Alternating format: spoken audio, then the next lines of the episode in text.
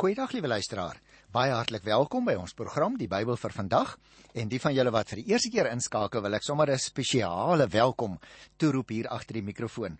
Ons is besig met die boek Nehemia en om die waarheid te sê, ons maak oor hierdie spesifieke boek vandag die derde laaste program. Miskien moet ek 'n uh, slaggie vir julle vertel net van hierdie man Nehemia want ons het nog nie regtig baie oor sy persoon gepraat nie. En 'n mens moet 'n gedagte hou Nehemia was 'n amptenaar van die Persiese ryk, hoor. As skinker van koning Artasasta van Persië, het hy 'n baie belangrike posisie beklee as skinker. Hy was eintlik in 'n vertrouensposisie en hy het dus in die binnekring van die hof beweeg. Hy was vertroud met die persoonlike sake van die koning en dis tog al iets in daardie tyd gewees hoor. Die koning het dus vir Nehemia baie vertrou en hy was hom ook baie goedgesind. Dit was dan ook spesifiek die rede waarom Sanballat, Tobia en Gesem van wie ons al gehoor het, afgunstig op hierdie man was en hom eintlik vyandig gesind geraak het teen die einde van sy verblyf daar in Persië. Vanweë sy goeie verhouding met die Persiese koning, het hulle hom uiteindelik met baie groot versigtigheid behandel, want hulle kan mos nou nie iemand wat in guns is by die koning uh, te nakom nie, want dan kan 'n lewe in gevaar kom. Nehemia moet ons ook tussen hakies wil ek net sê, onthou is in Persië gebore, maar hy was natuurlik van Judeese afkoms. Nou gebruik hy die Persiese naam vir God en hy praat van hom as die God van die hemel. Jy sien, die Here het hierdie man geroep om die muur van Jerusalem te gaan herbou wat nog al die tyd nadat die tempel se herstel voltooi is in die jaar 515, het die muur nog al die tyd omgelê. Dit was net 'n klomp ruïnes. Nou, toe het Siribabel die tempel van God wat 90 jaar van tevore herbou is en toe alreeds voltooi is, het daar is eintlik 10 volle jare verloop sedert Esdra met 'n groep Judeërs na Jerusalem teruggekeer het. Die stadsmuur van Jerusalem was egter nog al die tyd vervalle. Nehemia was natuurlik baie hartseer toe hy dit nou gehoor het en hy kry die boodskap daaromtrent. Hy aanvaar dit as sy persoonlike verantwoordelikheid om te gaan help om die muur te herbou. Dit is die taak wat die Here hom opgelê het. So het hy dit in sy hart getroetel.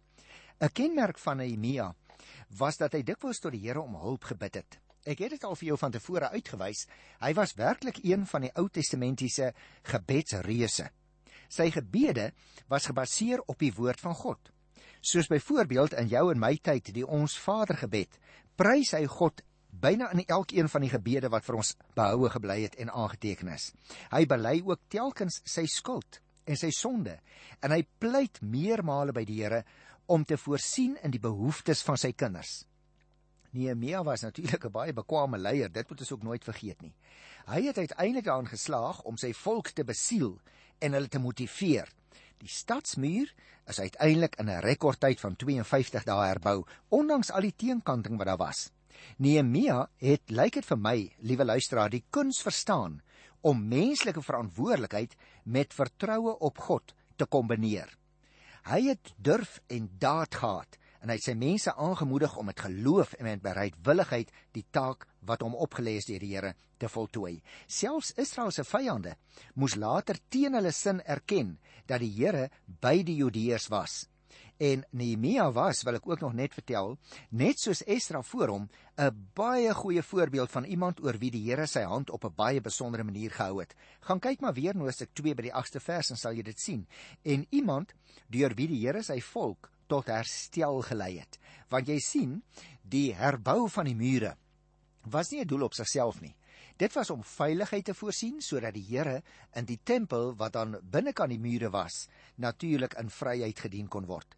En in sy gebedsvertroue en sy geloofsbereidheid om iets daadwerklik te doen, dink ek is hy 'n baie baie goeie rolmodel vir jou en vir my.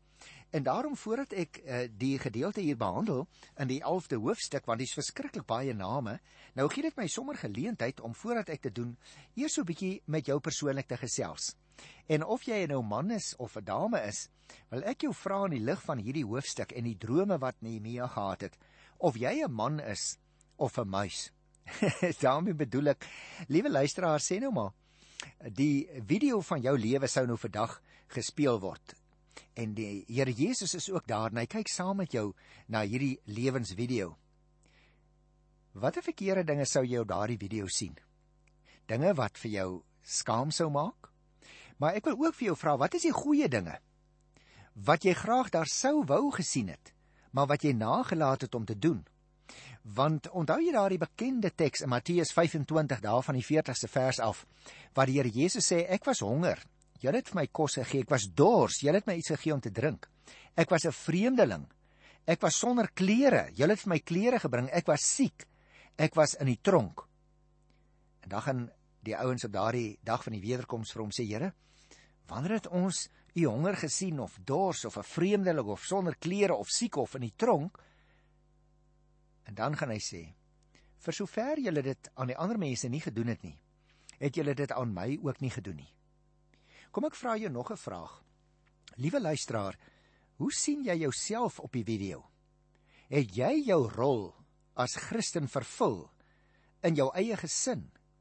in die gemeenskap waar God jou geplaas het.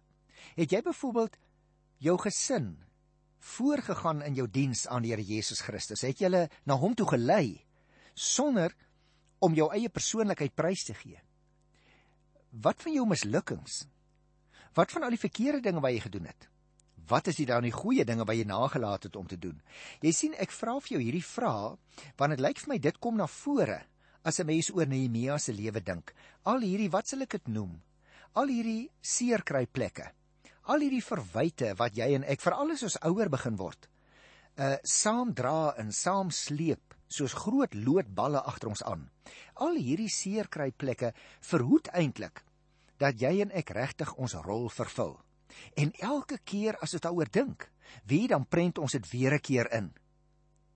Later twyfel ek aan myself Ek wonder of ek ooit 'n taak van die Here ontvang het. Ek wonder wie ek nou eintlik is om vir my vrou of my man en ons kinders voor te gaan in diens aan die Here.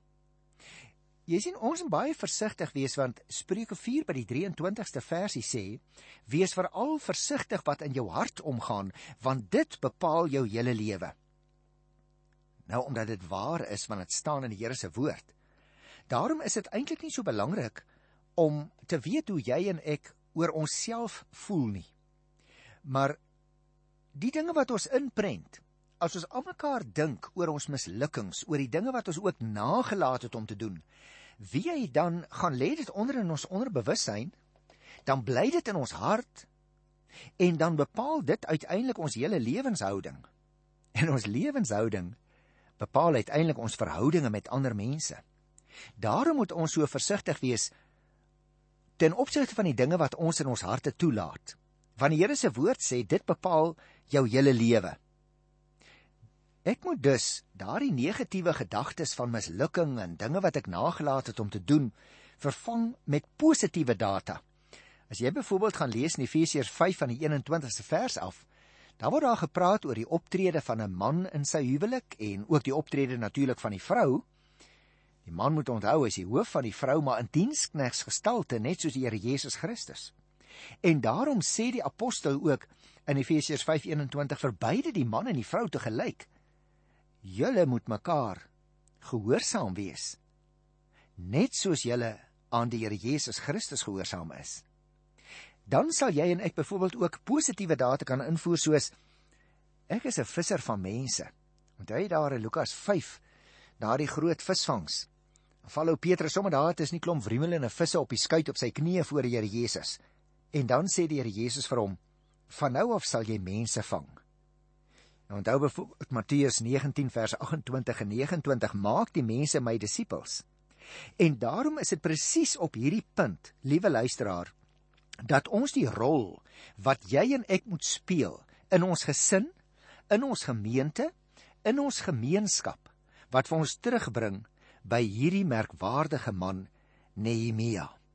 Hy het 'n droom gehad, 'n droom wat veroorsaak het dat hy sy mense opgeroep het en vir hulle teruggeneem het na Jerusalem toe. En onder moeilike omstandighede het hy mense wat eintlik nie meer 'n droom gehad het nie, het hy daardie mense geïnspireer sodat hulle saam met hom gewerk het en uiteindelik het hulle net in 52 dae die muur wat omgelê het daar rondom Jerusalem se ou stad voltooi. En daarom wil ek hê dat ons teen hierdie agtergrond wat ek nou ook geskets het van 'n mens se persoonlike verantwoordelikheid net vir jou 'n paar dingetjies uitwys hier in Nehemia se 11de hoofstuk En ek gaan nie al 36 verse behandel nie, maar ons kry hier 'n groot menigte name. Maar luister 'n bietjie as 'n mens die eerste en die tweede verse in hierdie boekie wat eintlik 'n merkwaardige boek en ook 'n merkwaardige hoofstuk is. Al lyk dit soos na saai geskiedenis as 'n mens dit lees. Ek lees die eerste 2 verse in Nehemia 11. Die leiers van die volk het in Jerusalem gewoon. Die ander mense het geloot om een uit elke 10 in Jerusalem, die heilige stad, te laat woon. Die ander kon in die ander stede woon. Die volk het egter al die manne geprys wat aangebied het om in Jerusalem te woon. Nou jy sien, hierdie gedeelte sluit natuurlik aan by die vorige gedeeltes wat ons al reeds behandel het. Die leiers het reeds in Jerusalem gewoon, sien ons nou hier. En deur die lot is dan beslis dat 10% van die plattelandse bevolking na Jerusalem toe moes verhuis. Hoekom? Dit was vir hulle veilige daar ja, maar die werkarbeid was ook nodig ten einde aan die muur te bou. Daar was dus ook vrywilligers lees ons wat aangebied het. Dis 'n interessante woord. Hulle het aangebied om daar in Jerusalem te gaan woon. En dan sê die derde versie: Hier volg 'n lys van die hoofde van die provinsie Juda wat in Jerusalem gewoon het. Israel, die priesters, die leviete en die tempelslawe en die nakommelinge van die amptenare van Salomo het oral in die stede van Juda gewoon, elkeen op sy eie grond en in sy eie stad. Jy sien en daarna kry ons nou die uh, volgende 17 verse waar ons dan 'n lys kry van die name van die inwoners van Jerusalem. Dit wil sê na Nehemia se verpligting, wat sal ek dit noem? Dit was as dit ware 'n verpligte herbevolkingsaksie wat hy gehad het. En as 'n mens dit nou vergelyk met die lys van mense in 1 Kronieke 9, dan sien jy ook daar is baie ooreenkomste. Maar nou wil ek net oorspring na vers 23. Ek wil nou al hierdie klomp name uitlaat en dan staan hier in vers 23 geskrywe: Daar het 'n koninklike opdrag oor die sangers bestaan. 'n voorskrif oor hulle optrede soos dit elke dag moes geskied. Nou luisteraars, hierdie koninklike opdrag verwys natuurlik na die bevel en die reëlings soos koning Dawid dit nog 'n hele klomp jaar, jy weet meer as 400 jaar voor hulle tyd uiteengesit het. As jy dit sou wou lees, kan jy gaan kyk in 1 Kronieke by hoofstuk 23 en ook by die 25ste hoofstuk net in die eerste versie. Nou as 'n mens nou hierdie 11de hoofstuk van Nehemia verder het, as miskien het jy 'n Bybel voor jou, dan sal jy sien, hier is nou nog net 'n hele klomp name. En ek wil dit in 2 of 3 sinne opsom, want ek wil graag nog 'n paar ander aspekte bespreek in, in plaas van nou al hierdie name te bespreek. Want hier van vers 25 tot by 36 gaan dit oor die nedersettings buite Jerusalem. En hierdie perikoop, liewe luisteraar, bied dan vir ons 'n hele interessante lys van die stede en ook van die landbou nedersettings op die platteland waar die Judeërs en die Benjaminiete bewoon is. Die lys dek eintlik 3 gebiede naamlik die gebied van Juda, die gebied van Benjamin en dan 'n westelike gebied waarvan ons nie vandag meer presies die grense weet nie. Nou, ek het gesê ek wil graag vir jou nog ander interessante gegevens gee, want ek dink dit's regtig belangrik as ons by hierdie goed stil staan dat ons 'n breër prentjie kry. En ek wil dit graag doen, liewe luisteraar, in die lig van sekere dinge wat na vore kom, naamlik die samehorigheid onder daardie mense. Al het hulle in verskillende nedersettings, soos die Bybel dit noem. Met ander woorde, dit was as dit ware klein oop gemeenskappe buitekant Jerusalem. En al het hulle daar gewoon, was daar sommige van hulle wat eintlik graag na Jerusalem gekom het, het ons gehoor, omdat hulle wou meewerk. Hulle het hulle samehorigheid met die mense wat aan die mure rondom die ou stad ehm um, gewerk het betoon deurdat hulle graag wou saamwerk aan die bouwerk.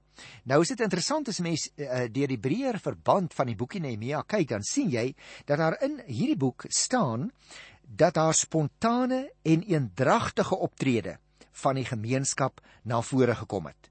Dit staan om die waarheid te sê baie prominent juis hier in die 11de hoofstuk.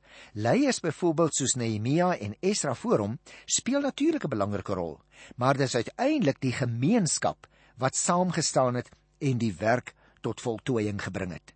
Dit is die groep gelowiges luisteraars wat daarop aandring om God se wet te hoor en dit ook uit te voer. En dit is hierdie kollektiewe, wat sal ek dit noem, hierdie kollektiewe samehorigheidsgevoel van die hele Israel van daardie tyd, deur sy geskiedenis ook daarna, wat ook voor die Here bely word van tyd tot tyd wanneer hulle as groep saamkom. Dit is dus die hele volk wat hulle self telkens gereinig het voor die Here en as God se priesters begin optree het in hulle alledaagse handel en wandel. Daarom het ek vir jou gevra, hoe vervul jy jou eie rol ook in die gemeenskap? Is dit in die elke dag se lewe? Want ons program se naam is mos die Bybel vir vandag. Is dit in jou elke dag se lewe? Verander mense duidelik dat hulle deur jou optrede en jou voorbeeld kan sien dat jy die droom wat die Here in jou hart gelê het ten uitvoer wil bring. God se huis in daardie tyd het natuurlik nie net bestaan uit leiers en uit individue nie, maar uit mense wat saam volhard het in die geloof en in die dienswerk aan die Here. En wie liewe luisteraar, dit is nie vandag enigstens anders nie. Die kerk is nie die privaat besit van 'n paar amptdraers of van 'n paar leiersfigure nie. Hulle het natuurlik wel hulle plek en hulle roeping in die kerk en die kerklike gemeenskap, maar uiteindelik is dit die gemeente in sy geheel wat van die kerk die lewende liggaam van die Here Jesus Christus maak.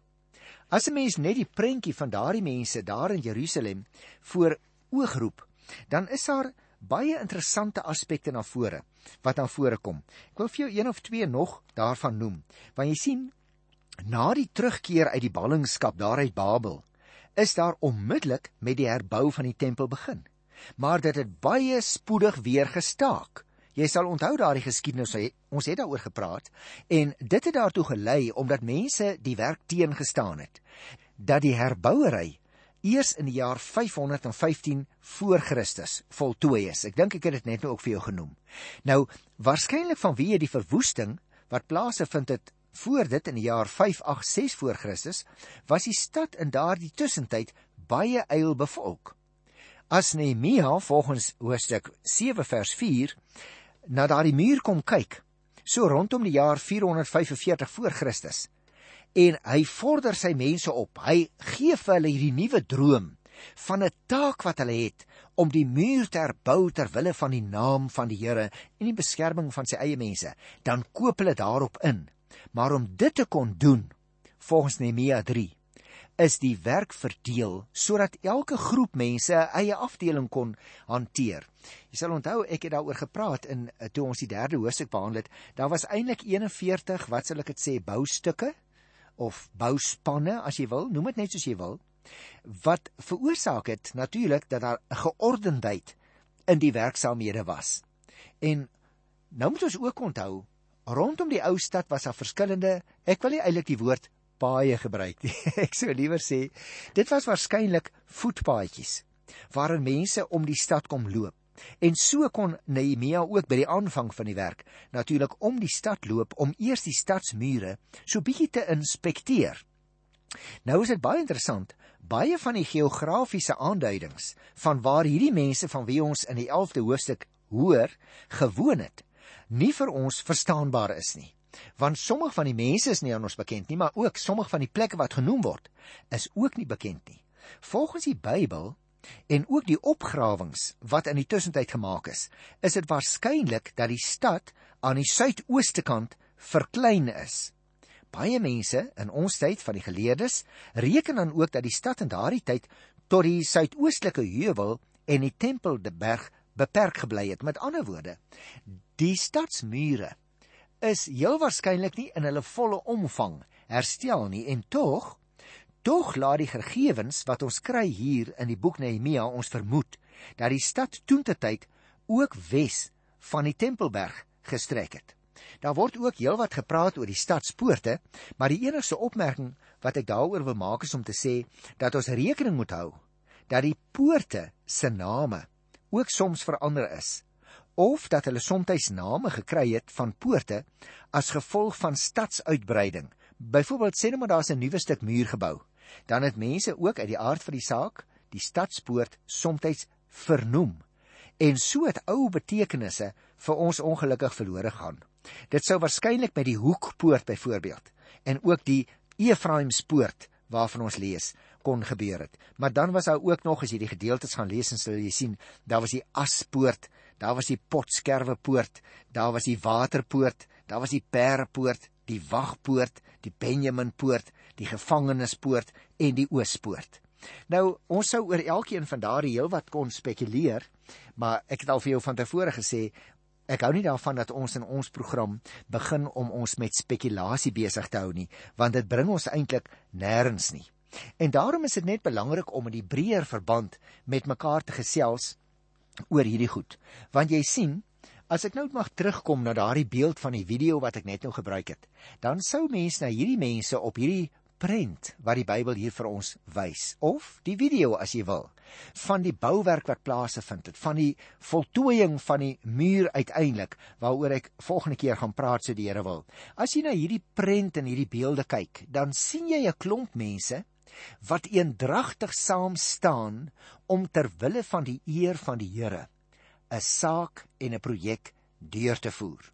Met ander woorde, dit wat in hulle harte omgaan, met ander woorde, dit wat in hulle harte omgegaan het, soos die Spreuke skrywer in Hosea 4 vers 23 sê, dit het hulle aangevuur. Dit het hulle gestuur in 'n bepaalde rigting. En daarom, liewe luisteraar, is dit van so groot belang dat jy en ek ook sal weet waarheen ons op pad is. Nie net in ons daaglikse lewe nie, maar ook in ons godsdienstige lewe. sien ek myself byvoorbeeld as 'n volwasse mens in Christus, soos wat Paulus skryf in Kolossense 1 by die 28ste vers. sien ek myself as 'n gebalanseerde mens? sien ek myself as iemand wat daarop ingestel is om daar ook in my dagtaak, miskien agter 'n rekenaar, 'n getuie vir die Here te wees. Want jy moet onthou alles wat ons doen, elke ding waarmee jy en ek besig is, dit lewer 'n stukkie getuienis. Dit sê uiteindelik vir ander mense sonder dat ons 'n woord hoef te sê wat daar in ons hart omgaan. As ek dus traag is in my dagtaak, dan lewer dit nie 'n goeie getuienis vir my as Christen nie. Daar kan mense dink Christene is nou maar soos hulle is. Ag nou ja, hulle ja is nie regtig meer ja nie. Hulle is lui, hulle kom laat by die werk, hulle doen nie hulle werk nie. Maar as ek nie net ten opsigte van my dagtaak nie, maar ook ten opsigte van die saak van die Here blink oë het, dan stuur dit my ook in 'n bepaalde rigting. Kom ek noem jou 'n voorbeeld. Natuurlik sal jy Matteus 6 vers 33 ken soek allereers die koninkryk van God. En hier al hierdie ander dinge sal vir jou bygevoeg word. Daar is dus, liewe luisteraar, 'n bepaalde dimensie in 'n Christusgelowige mens se lewe.